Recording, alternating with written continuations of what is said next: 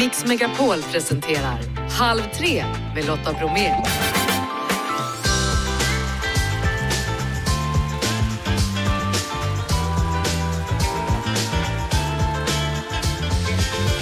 Hallå där och varmt välkommen in i Halv tre-studion. I dagens tisdagsmix skådespelaren Alexander Karim, aktuell i kommande serien The Swarm. Och han skriver dessutom på en skräckfilm. Vi kollar in Camilla Kvartropps nya klimatserie.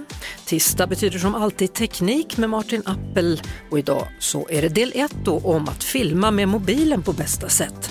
Det är dags för mönstring, rekordmånga är kallade. Vi kollar också in Kulturligg i Helsingborg och så möter vi en båt båtterapeut som vet allt om hur relationer fungerar på sjön.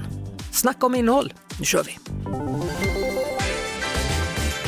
Välkommen till Halv tre, Camilla Kvartoft. Hej, vad roligt att få vara med i din show. Ja, vad, vad kul att höra dig. Det var ett tag sedan. Hur mår du? Tack, jag mår bra. Jag är lite slut. Det har varit mycket jobb. Det är premiär och sådär. Ikväll så har då nya SVT-programmet Klimathoppet premiär och klimatet är ju ett hett debatterat ämne. Vad, vad kan vi sätta vårt hopp till för att hjälpa Moder Jord egentligen? Ja, det undrar vi också. Vi, vi kallar ju programmet Klimathoppet eh, för att vi tänker att det kanske kan vara lite sådär dubbelbottnat. Eh, kan vi skapa någon sorts eh, framtidshopp men också att det, hopp kan stå för ett stort kliv. Vi är ju inne i en stor historisk omställning nu faktiskt i samhället och klimatanpassar. Det är väl lite oklart var vi ska landa någonstans och det de frågorna vi ska ta upp. Hur går den här omställningen till? Vilka vägval eh, står vi inför och, och eh, vad finns det för lösningar och så? Hur, hur bråttom har vi egentligen? Ja, det är också en fråga som vi faktiskt ställer just ikväll i första programmet. Frågar man till exempel de här ungdomarna som har stämt staten för att eh, omställningen går för långsamt, så ja, de tycker ju att det går för långsamt. Och de ska få möta klimatministern och så får hon svara på detta. Men det här är ju liksom en fråga som är uppe till debatt nu verkligen. Det har blivit en ganska het inrikespolitisk fråga. Hur bråttom vi har att få ner utsläppen i just Sverige. Ska vi försöka hjälpa till att få ner utsläppen i andra länder istället? Och så där. I varje program då så kommer ni ringa in ett viktigt vägval i klimatomställningen och sen kommer ni konkretisera då vad frågan handlar om. Kan du ge ett exempel? Ja, vi har ju bland annat varit uppe utanför Östersund. Vi har träffat eh, ungdomar som kör epatraktor och som ju håller på med folkrace. Och vad händer liksom med motorsporten om man ska gå över och köra på el? Och hur ska den här omställningen gå till? Hur ska man ha råd att, att köpa elbil? Sen har vi varit på Gotland och eh, jag har träffat tio tjurar som just nu äter ett extra foder som består av rödalger för att de ska rapa mindre metan. Vi har varit på slakteri där de nu också börjar tillverka vegetariska biffar. Så att det händer faktiskt en del. Och det är kanske också någonting om, om man tänker så här att man ska orka titta på det här programmet. För är det inte så att man ganska ofta kan känna att det är väldigt ödesmättat klimatfrågan, man kan känna en viss maktlöshet. Men då kan vi ändå i programmet peka på att det är väldigt många som är engagerade i den här frågan, man gör väldigt mycket. Och det gäller ju liksom både företag och lantbrukare och aktivister och sådär. Så att det vill vi ju också visa upp. Så man får lite hopp med andra ord när man tittar på det. Ja, förhoppningsvis får man det. Ja. Vad är din eh, egen främsta insats för klimatet? Eh, ja, alltså mina eh, döttrar är ju rätt på mig.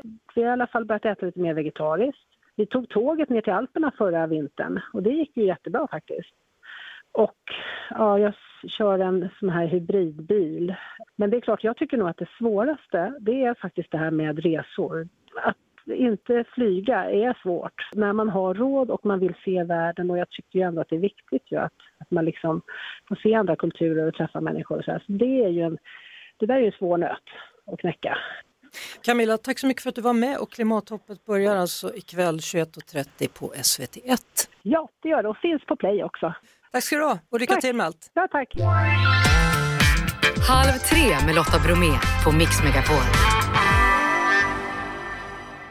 I helgen så fortsätter båtmässan allt för sjön och om några veckor så kanske det är dags då att sjösätta båtar inför säsongen. Men nu får man ut det mesta och det bästa av sitt båtliv.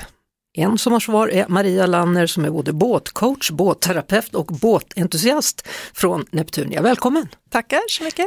Ja du, nu är det nog en del som funderar, vad då båtcoach, båtterapeut, vad menas? Ja, det är ofta så då att eh, folk kommer till mig när de redan har köpt en båt och det är först när de ska lägga till vid sin absolut trängsta hand som de har fått som de inser att de inte kan köra den. Och vad händer då? Då blir det panik och då blir det ofta parpanik eller så blir det egen panik. Men, eh, och då sätter ju reptilhjärnan igång och då eh, räcker det inte att man har navigationsutbildning eller man har läst på väldigt mycket och tittat på alla YouTube-filmer som finns på nätet, utan då, då låser det sig. Mm.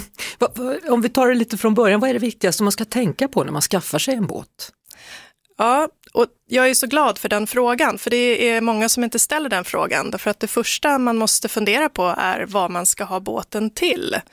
Därför att det finns ju hur många modeller för olika eh, alltså viljor, vad, vad man vill ha ut av sitt båtliv. Eh, och det kan allt, eh, vara allt då ifrån små styrpulpeter, öppna båtar, någonting man vill åka ut över helgen eh, med, eh, hur många man ska vara i båten, hur, många, hur länge man tänker sig vara ute. Eller så går man på och köper ett sånt här trevåningshus på en gång. Det, oj, det oj, finns oj. de som gör det också. Du menar det alltså? Jajamän. Men, men måste man inte ha ett körkort numera för en sån? Alltså är båten under 12 meter lång så behöver du faktiskt ingen nautisk utbildning överhuvudtaget. Utan de kan åka omkring och krocka med alla, allt och alla då? Ja, det kan de ja. och det gör de. ja. Eh, är det viktigt att man kan lika mycket som sin partner när man sätter sig i en båt? Jag tänker framförallt på segelbåtar. Ja, alltså min upplevelse, och, och, nu är jag lite mer fokuserad på motorbåtar än segelbåtar, och eh, det lilla jag förstått att när du väl är inne i en trång hamn så är segelbåtar nästan föredra, därför att de ligger ganska stabilt i vattnet. De är inte så vindkänsliga eftersom du då inte har några segel uppe. En motorbåt däremot är ju som en liten barkbåt eh, eller en liten tvålkopp i badkaret, den, den åker överallt. Eh, och nu glömde jag bort din fråga. Vad var det du ställde för Nej, fråga? Måste man vara lika kunnig som, som den man har båten ihop med eller ja. den man reser med på båten? Nej, absolut inte och det är sällan så. Båda kan lika lite båda två. Men sen så är det då vissa sociala beteendemönster som gör att en viss eh, person, eller inte person, men, men vissa då tar gärna över eh, och sätter sig bakom ratten automatiskt. Mm. Jag vet att jag har varit på, på, en segelbåt några gånger, eh, bland annat med en kille då som tyckte att han var en av Sveriges bästa alltså segel, seglare faktiskt. Och eh, det tog slut på bensin och vi fick ligga där och vad det nu var, försöka få ut luft ur tanken och allt vad det var. Han sa att det är absolut inte bensinstopp. Och så slutade alltihopa med att han ställde mig längst fram på den här segelbåten och vi får rakt in i hamnen i Vaxholm. Det är ganska trångt där, det är inte så kul att sitta längst fram då kan jag säga. Nej, Nej. och det, det, du är inte ensam, det händer hela tiden. Jag ja. känner igen det där. Så, så om man inte kan det här, knopar, tampar, är det mm. viktigt att man ska kunna det? Det är det jag är ute lite efter, att man ja. har samma språk måste man väl ändå prata, eller? Absolut. Eh, om inte annat så ska det börja med att du har ungefär samma vilja. Eh, vad vill du ha segelbåten eller motorbåten till? Och sen är det självklart att eh, alltså någon form av grundläggande utbildning när det gäller navigation och knopar, alltså rent sjövett skulle jag säga. Och, och sjövett är väl lite av en term som man använder inom båtbranschen för att då inkludera ungefär det som barn lär sig när de blir sjöscouter första gången. Det är lite navigation, det är lite knopar, läsa väder, eh, ja, mm. lite så. Eh, ja, alltså vara båtterapeut, hur, hur, skulle du säga, hur skulle du förklara, vad har du för uppgift? Alltså min uppgift är att skapa eh, harmoni eh, på sjön eller inom båtlivet. Eh, och eh, att vara den här eh, mentala flytvästen som eh, ingen tänker på att ta med i båtsammanhang överhuvudtaget. Vad är det vanligaste felet som, som vanliga som par gör? Alltså det vanligaste felet är att de båda har lite fel referensramar när de kliver i en båt. Bland annat så är det så att om du, om du sitter i en motorbåt som är ganska vindkänslig och den har en ratt eh, och ratten sitter oftast eh, på höger sida eh, och du har även ett reglage som sitter i högerhanden och det betyder att du har ett muskelminne med dig i båten som faktiskt kommer ifrån bil. Och då tror hjärnan att du sitter i en bil. Och då tror också hjärnan att du ska få samma eh, effekt tillbaka. När du gör på ett visst sätt i båten så tror du att den ska reagera precis som den gör när du kör bil. Och när det då inte gör det, ut, eh, det, det är då paniken kommer in, då sätter reptilhjärnan igång. Och det är då par bland annat börjar kommunicera bara med känslor. Hur, hur brukar du hjälpa människor som hör av sig? Då? Ja, jag försöker eh, vara så proaktiv som möjligt. Jag vill jättegärna att folk hör av sig till mig innan de ens har köpt en båt. Eh, men så ser det inte ut, utan de flesta hör av sig när de har köpt båten och de har... eh, Krockat lagt- med en brygga? Ja, de har, precis. Och så låter det ofta så här att ja, vi är nya och vi har fått den absolut trängsta, värsta platsen på hela gästhamnen eller båtklubben. Och ofta så är det inte så, men de upplever att det är så. Eh, och då först så förstår de att de inte förstår, de blir bara förvirrade. Eh, de har redan provat några gånger och eh, naturligtvis så är det inte deras fel, utan det är båten, så det är bryggan, så det är klubben. Så, ja. Mm. För att inte prata om ystängerna. Ja, exakt. Precis. Bommarna kanske Bommar. I bommarna, precis. Ja. Och så är det naturligtvis partnerns fel. Det är alltid den andras fel. Så hur lyckas du få dem att hålla sams då i fortsättningen? Eller vad är det främsta rådet du ger? Alltså det främsta rådet, ehm, eller rättare sagt så här, att eh, eh, det första jag gör, och, det, och det, jag har väl kanske tränat upp det lite under åren, men jag kan läsa av vad det egentligen handlar om runt 7-8 meter innan jag kommer till dem på bryggan. Eh, och eh, sen så ställer jag ett antal frågor för att liksom få en slags situations situationsanalys på vad, vad handlar det här egentligen om? Och i 99 procent av fallen så är det här att de Eh, de är förvirrade och de, de förstår inte. De, de tycker att de gör på ett visst sätt men de får inte den feedback de, de eh, tänker att de ska ha och de kommer inte vidare. Och då börjar jag plocka upp och ställa frågor kring hur gör ni? Eh, och har ni tänkt på det här? Och framförallt så brukar jag ta upp det här då med omedvetna beteendemönster eh, och framförallt i muskelminnet. Eh, Jag antar att du, trots att du har upptäckt att det finns problem i relationer och så, ser fram emot en ny båtsäsong. Absolut, jag älskar det och jag är så glad. Så fort jag får prata båt eh, när som helst så blir jag kär hela dagen. Och när ska du börja fixa med båten? Det gör, det gör jag redan. Jag har, jag har min egen båt så jag har faktiskt eh, spenderat eh, lite väl mycket tid men jag har hållit på och pillat på den. Aha, Och en träbåt då, eller?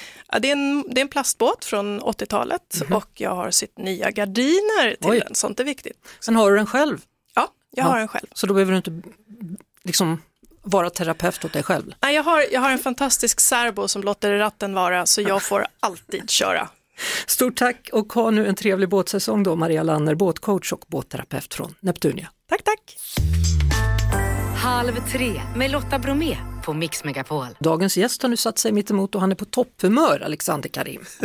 Skådespelare, hur är Ja. läget? Ja, ja, men det är som du säger, jag är på topphumör. Ja. Mår- Läget är super. Och du känner det som att vädret äntligen har gett upp? Det vänder nu. Det Ja. vänder nu säger jag. Det så, sa ja. jag förra veckan också, men ja, nu. Du, hur hade du det med Oscars? Tittade du någonting på detta eller? Så här ligger det till va. Jag eh, har en dag om året då eh, all bets are off. Alltså jag säger till barnen att imorgon så eh, kommer jag vara värdelös. Jag säger till min fru eh, att jag kommer vara värdelös. Och sen eh, sover jag under dagen, alltså jag planerar Oscar. Jag sover under dagen. Jag har en kompis som jag bara har kontakt med på Oscarsafton. Eh, eh, som jag jobbade med i Malmö 20 år sedan. Så vi träffas varje Oscarsnatt klockan 12. Är du där Oscar Buddy? Och sen så börjar hon skriva och skriver jag och så sitter vi uppe hela natten. Hur var det i år tyckte du då? Det var bra. Alltså, ja, jo, jo, det var det. Jag tyckte det fanns många så rörande ögonblick. Han som vann bästa manliga biroll som, eh, eh, från Everything, ev- everywhere, Everything everywhere all, at once. Ja. ja.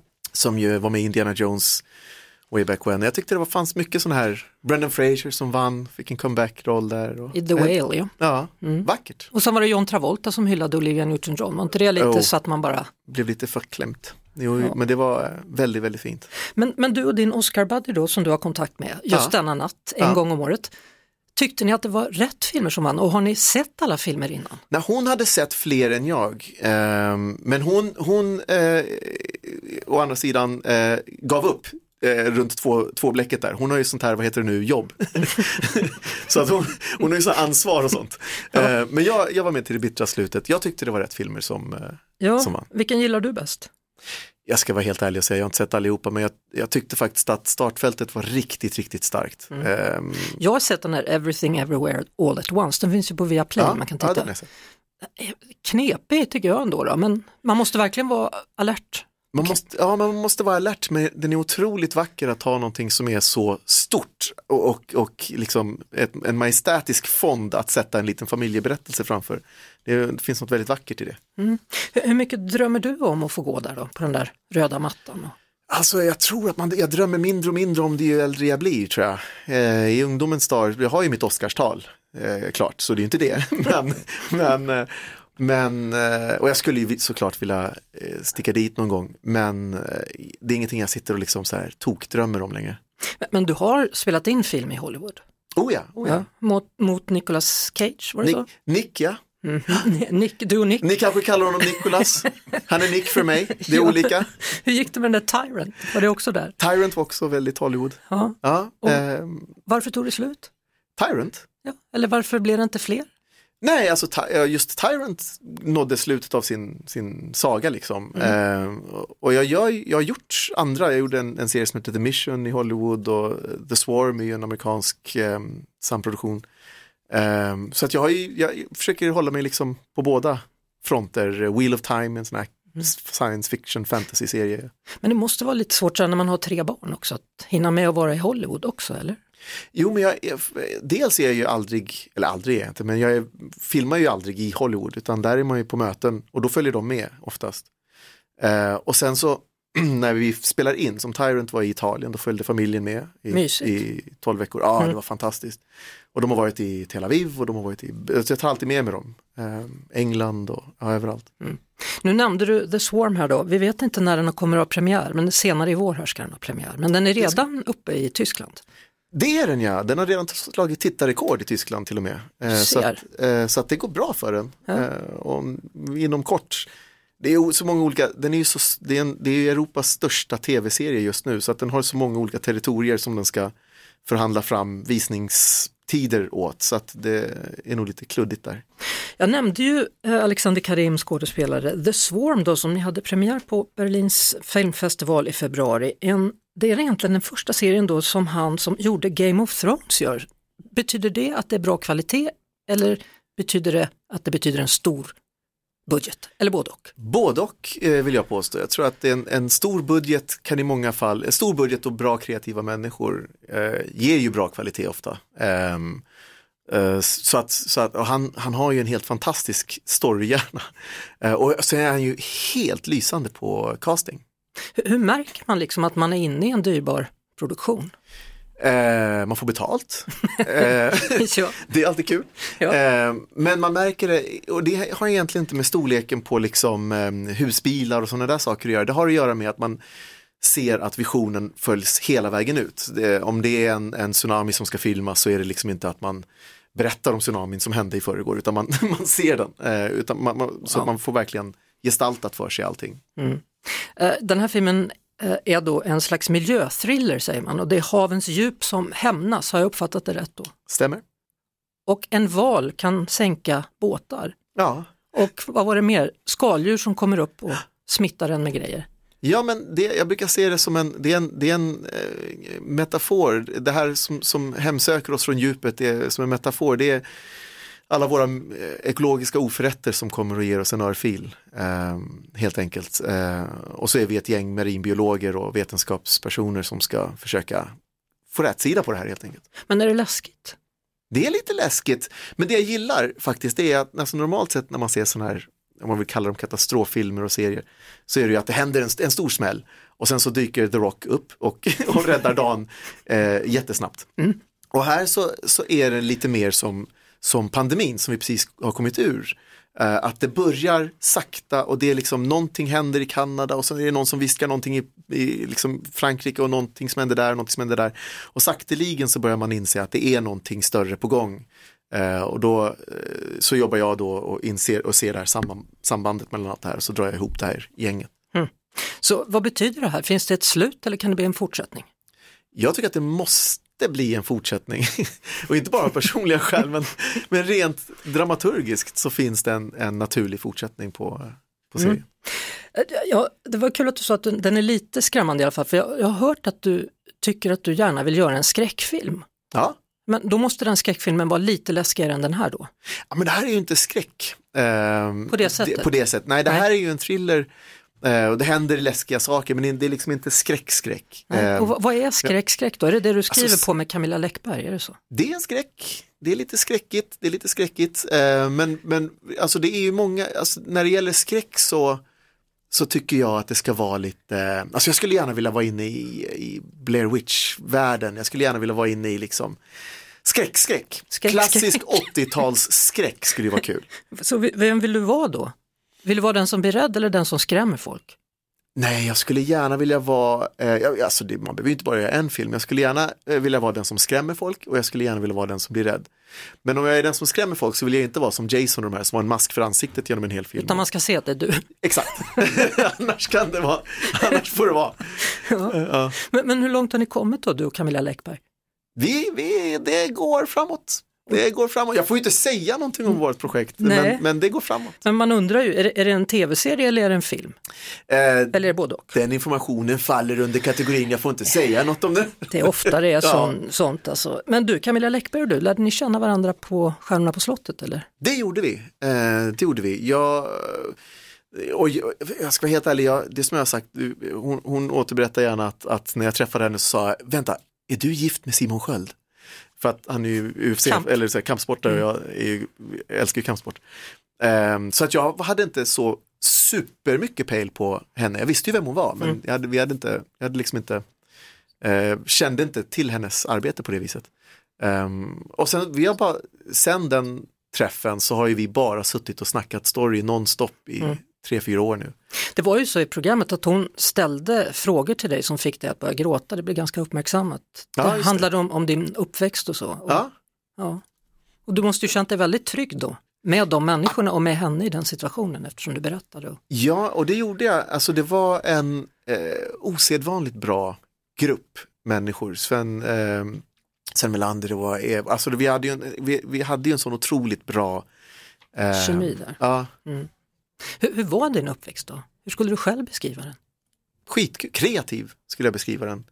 Eh, vi höll ju på väldigt mycket, funderat mycket på det nu på, sen, på senare år nu när man börjar bli lite till åren kommen. Ehm, och så har jag funderat på hur mycket man egentligen skapade som barn. Eh, jag hittade bara några veckor sedan en gammal eh, film, eh, en kortfilm som vi gjorde när jag var liksom i de tidiga tonåren. Ehm, och, och när man ser de här sakerna som man gjorde när man var ung, där man verkligen blev tvungen att tänja på de kreativa musklerna för att få någonting att funka.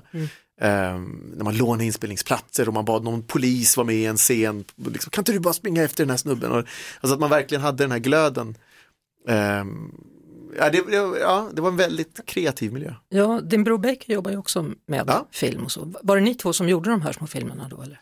Alltså det är både min bror Baker och min bror Osman eh, jobbar med film. Eh, min syster Sylvia, hon jobbar inte med film nu. Eh, Men hon fick vara med då? hon, hon var med, ja, precis, hon, hon, hon, var, hon var med. Eh, och hon gjorde ju egna filmer och vi är all, allihopa är vi ju filmtokiga. Ja.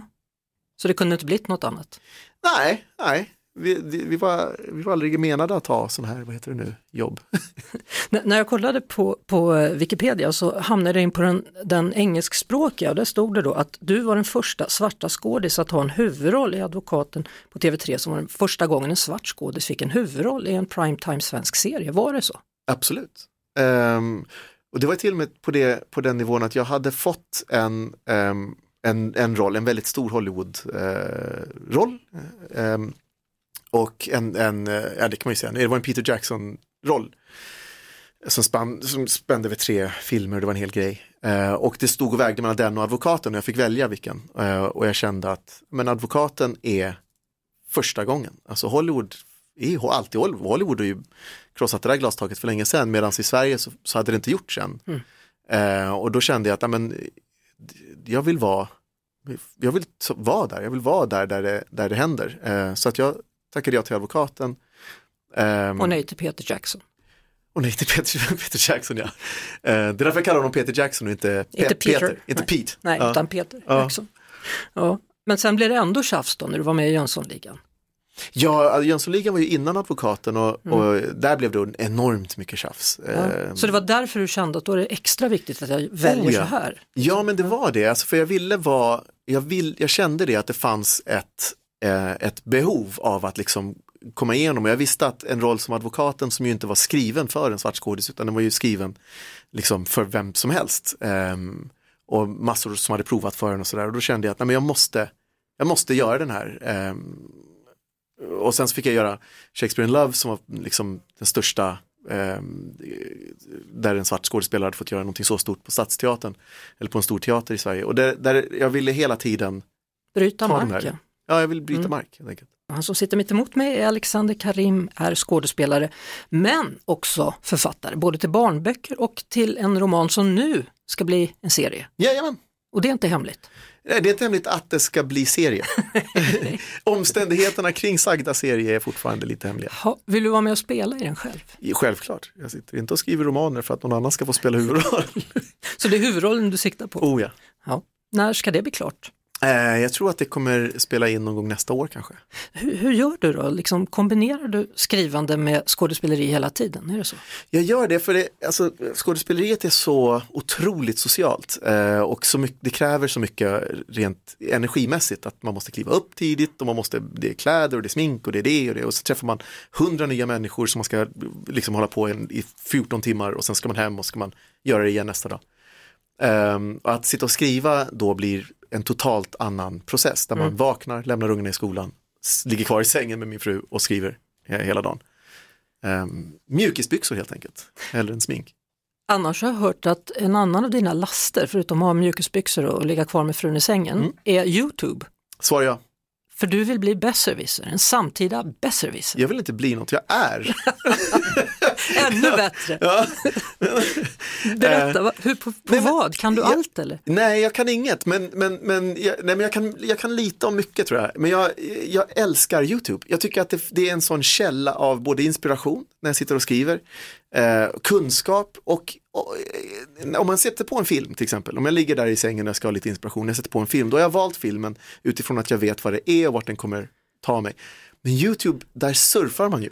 Där går jag ju från en, ett, ett liksom, intresseområde till ett annat. Det kan vara forna Egypten till liksom, att man sitter och tittar på folk som är på den diametralt, eh, eh, eh, alltså den andra sidan om vad man själv tycker rent politiskt. Sånt tycker jag om att titta på. Ja. Och kiropraktik? Kiropraktik är ju otroligt spännande. Va? Någon kommer in med en dålig rygg och så knakar de och sen så är det, funkar det. Det är kul.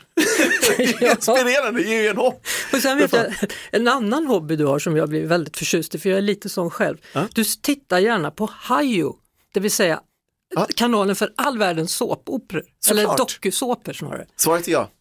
Ja. Eh, jag skäms inte. Inte jag heller. Inte en sekund. Eh, tror, inte, tror inte för en sekund att jag skäms. För, Nej, jag älskar du vet, Hajo är ju ja. helt fantastiskt. Eh, ja. Jag älskar dokusåpor. Eh, för att jag ser mig själv lite som en allätare. Jag kan sitta, absolut kan sitta och titta på höstsonaten, eh, men det är också trevligt att få en inblick i jag säger inte att det är riktiga livet, verkliga livet på något sätt, men ändå att få en inblick i bara olika liv, olika mm. livsöden, olika människor, olika vill man känna att man har det ganska bra själv eller? Ja, så här, det är klart att den delen finns naturligtvis. Ja. Eh, där man känner att otur, det, kunde varit värre. Mm. Men en del av det är också bara att man sådär, vad visste jag om hemmafruar i Utah? Ingenting. Nej, eh, jag visste du. inte, nu vet jag massor. Vill jag bara säga. det, gör du. du, det finns massor att prata med dig om, jag hoppas du kommer tillbaka snart här. När du vill. Alexander Karim, tack för idag då. Tack själv. Halv tre med Lotta Bromé på Mix Megapol. Hörrni, Plikt och prövningsverket kallar 24 398 ungdomar till mönstring, en ökning med 400 procent sedan 2017. Kommunikationschef Marinette Ny Radebo är med oss nu. Välkommen till Halv tre Marinette. Tack så mycket Lotta. Du, varför ser vi en sån här ökning i antalet som kallas till mönstring? Ja, egentligen är det i innevarande försvarsbeslut redan bestämt 2020 att vi ska öka till 2025 och att 8000 ska göra värnplikten. Då. Så vi är i slutet av det här försvarsbeslutet och därför kommer nu 7000 att göra värnplikten nästa år. Eh, när man då tar in 24 000, vet man då att, att det blir 7 000 som får göra värnplikten eller kan det bli en större antal? Nej, vi, vi vet att det är 7000 som Försvarsmakten har beställt och som de kan utbilda också. Men vi vet också att det är en på tre och en halv som klarar mönstringen, så det är därför vi tar in lite extra. Plus att vi ska ha en så kallad utbildningsreserv ifall att det skulle bli höjd beredskap och fler skulle behöva göra utbildningen med, ja, ganska snabbt. Vad går mönstringen ut på då? Vad är det för krav som ställs för att gå vidare för att kunna göra värnplikten? Ja, det finns eh, i år, för de här som är födda 2005, ungefär 135 olika befattningar och varje befattning har olika krav, både på styrka och på kondition men också på andra kriterier som vi tittar på. Så att när man kommer till oss, man får en kallelse två månader innan och så får man då gå igenom en massa tester under en hel dag hos oss. Då. Och eh, sen får man i slutet, om man klarar alla tester, träffa en inskrivningshandläggare som berättar att med de här värdena du har fått idag så kommer den här befattningen vara perfekt för dig. Handlar det om både tjejer och killar som blir kallade? Jajamän, vi har faktiskt sedan 2010 en könsneutral värnplikt men den kom ju inte i kraft förrän 2017 när värnplikten återaktiverades. Eh, när får man reda på det, om man är kallad till den här mönstringen? Ja, man har fått kallelse nu att man kommer att bli kallad. Eh, så det är ett beslut från oss då som kom ut till alla eh, födda 2005 att man antingen blir kallad eller inte blir kallad. Och eh, de som kommer att bli kallade de får som sagt ett brev med just tid och plats två månader innan sin egen mönstring. Mm -hmm. så, så, hur väljer man dem då? Hur vet man det i slutändan, vilka som blir kallade till slut? De, I januari och februari här så har 107 000 ungdomar fyllt i mönstringsunderlaget och det är 40 frågor som handlar om dem och deras hälsa. Och utifrån de svaren har vi valt ut de här 24 398 som nu ska komma och mönstra. Så min dotter då som är född 06, kan det betyda att hon får en sånt här nästa år då? Hon kommer att få ett sånt här nästa år och hon får också en broschyr innan. Vi brukar också ge lite information till föräldrarna i november, december som inte blir alldeles för chockade att de har en 18-åring hemma, för det brukar hända också. Då. Ja, Så att, äh, då får de det. Ja, jag tackar för det. Eh, det är chockerande nog att hon snart fyller 17 kan jag säga. Men i alla fall, eh, ja, jag tror så här att många blir väldigt oroade och i och med att världsläget är som det är just nu, att man börjar fundera mer och mer på krig och hur allvarligt det är och det är därför man reagerar så när man hör att det är så pass många nu som, som ska bli inkallade och så vidare. Ja, men samtidigt så har vi då lagen om totalförsvarsplikt som börjar med att totalförsvarsplikten är en angelägenhet för hela svenska befolkningen. Så du och jag är ju också del utav det, även om inte vi har gjort värnplikten så är vi del av och vi är totalförsvarspliktiga mellan 16 och 70. Så även om man inte gör värnplikten så kan man göra mycket annan nytta. Och man kan till exempel då gå med i en frivillig försvarsorganisation eller göra andra saker än värnplikten. Ja. Men jag tror att vi har en styrka i svenska samhället att vi har den här totalförsvarsplikten i botten och att det finns en plats för alla. Absolut, jag är ju Lotta vet du så att jag har ja, ju redan mitt på det torra. Ja. Ja. Marinette Nyradebo, stort tack för att du var med. Ja, tack ska du ha. Halv tre med Lotta Bromé på Mix Megapol. Ja, det kan ju vara både glatt och det kan vara lättsamt och ledsamt när det är dags för det här. Prisa Gud! Här kommer skatteåterbäringen! mm, då ska vi se, vi har gjort en liten undersökning här bland Mix Megapols läsare, eller snarare lyssnare. Eh, plus 194 540 kronor. Jojomensan! Ni som har hört av er, det är det ni kommer få tillbaka. Men summan dras ner något då av att några behöver betala totalt 54 300 så summan har alltså då stannat på 140 240 kronor. Det är ju bra det.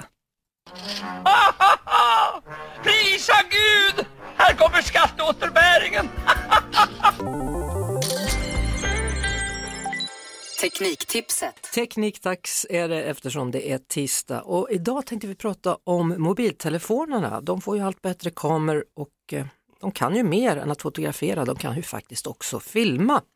Med oss nu för att ge oss råd för hur man filmar på bästa sätt, PC för allas konsumentredaktör Martin Appel. Välkommen! Tack så mycket! Ja du, det är ju många som filmar och gärna lägger ut små filmer och samtidigt så kanske man inte har den där grundkunskapen så vi tänkte ta det lite enkelt i två steg. Exakt, vi börjar med att titta lite på vad man ska tänka på när man filmar. Och då är min erfarenhet att det vanligaste felet som folk gör det är att man inte riktigt har koll på ljuset. För ljus är ju otroligt viktigt. Du sa att kamerorna har blivit mycket bättre och det har de. Men de har fortfarande lite svårt med att hantera dåligt ljus.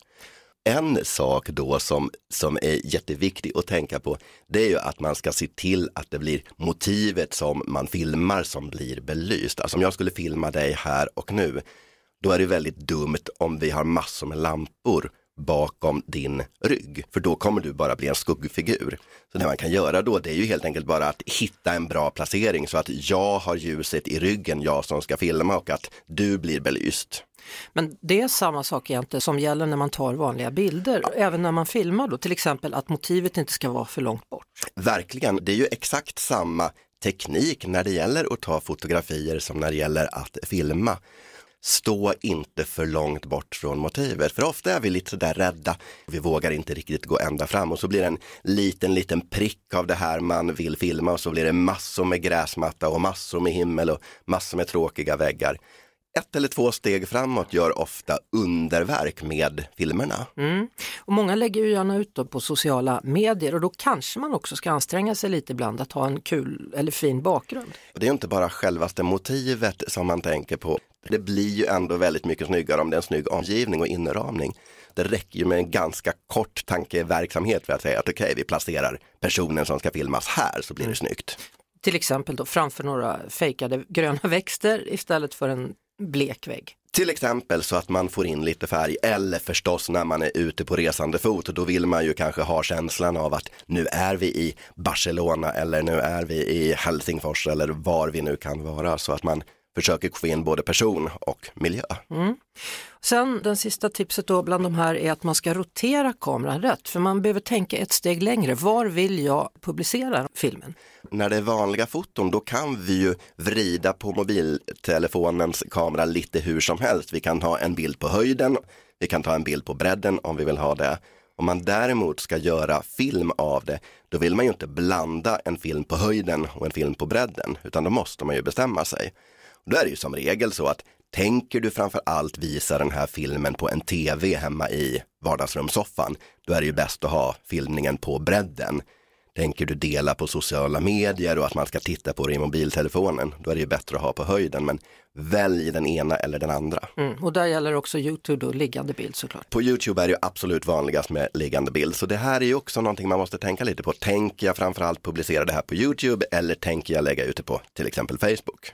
Då nöjer vi oss där för idag tycker jag. Om en vecka är vi tillbaka med Martin Appel, konsumentredaktör på PC för alla. Halv tre med Lotta Bromé på Mix Megapol. Dunkers kulturhus i Helsingborg har ett nytt koncept. Kulturligg kallas det för och det har premiär nu under våren. Det här innehåller tre unika föreställningar där besökaren ligger ner och samtidigt tar del av klangbad, teater och pianomusik i kombination med konst. Eh, Susanna Young är producent, hallå där! Hej! Hej! Är det här för den äventyrliga som vill testa något nytt eller är det för den lata som helst vill ligga och slappa? det är faktiskt eh, både och. Eh, både de som är lite äventyrliga, som gillar det här med oväntade kombinationer och unika upplevelser. Men Var... även de som vill eh, slappna av lite mer och kanske somna till och med. Vad fick ni idén till det här? Eh, vi vill egentligen eh, prova nya, nya liksom koncept, alltså nya sätt att, att placera publiken till exempel och nya upplevelser. Ehm, så då tänkte vi att vad häftigt om vi kan prova med en liggande publik istället för att man sitter i eh, de här vanliga teaterstolarna. Liksom. Och tidigare idag så presenterade ni då det här konceptet för journalister. De fick testa på att ligga ner under pressträffen. Hur många somnade? det, var, eh, det var faktiskt eh, någon som höll på att somna, men Aha. det var ingen vi behövde väcka efter. vad, vad, fick de se på när de låg där? Ja, de fick se Tina Corti då, um, som kommer vara vårt första ligg, uh, kulturligg. Uh, och det var då en meditativ ljudresa. Uh, ett så kallat klangbad med gång och klangskålar då. Um, det, det, är kul att du kallar det för ert största ligg. Ja, Ja, precis. Vårt första kulturligg. eh, Ja. Eller ligg, precis. så är det. Va, vad kan man få vara med om senare då? Vad kommer mer?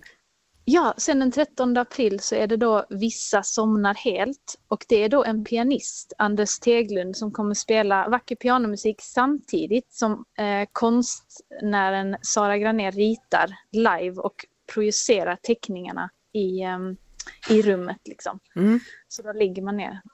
Och, och den tredje föreställningen, där ska man ligga i solstolar tydligen. Ja, för då är vi på stranden. Det är Baywatch med Potato Potato. Och det är en teaterföreställning där skådespelare spelar då Mitch och CJ från Baywatch. Um, jag vet inte om du har sett den eh, 90-talsserien. Ja, Eh. Ja, så kommer de sitta då och prata om livet eh, från sina badvaktstolar då. Jaha. Ja, det blir spännande. Ska man Ja. tänka, om man nu besöker, ska man tänka på något speciellt? Mjuka kläder, filt, varm tröja, kudde? Ehm, ja, men extra tröja eh, kan vara bra. Annars har vi kuddar och allt man behöver på plats. Så det är bara att komma. Ja, och kondom behövs definitivt inte. Nej, precis. Nej, det är inte den typen av ligg vi pratar om. Stort tack Susanna Young och lycka till med Ja, den här nyuppfunna kulturupplevelsen. Det blir spännande. Ja, Imorgon kommer den så kallade soldoktorn hit. Han har skrivit en bok så vi får lära oss hur det går till i hans vardagliga liv som läkare. Eh, för idag så är det faktiskt slut. Jeff Neumann är som vanligt producent. Här finns också Janne, Lotta och Jeanette gömmer sig någonstans i kulisserna. Vi hörs igen imorgon. Fortsätt lyssna på Mix Megapol tills vi hörs igen. Hej då! Ett poddtips från Podplay. I fallen jag aldrig glömmer djupdyker Hasse Aro i arbetet bakom några av Sveriges mest uppseendeväckande brottsutredningar. Går vi in med hemlig telefonavlyssning och, och då upplever vi att vi får en total förändring av hans beteende. Vad är det som händer nu? Vem är det som läcker? Och så säger han att jag är kriminell, jag har varit kriminell i hela mitt liv men att mörda ett barn, där går min gräns. Nya säsongen av Fallen jag aldrig glömmer på Podplay.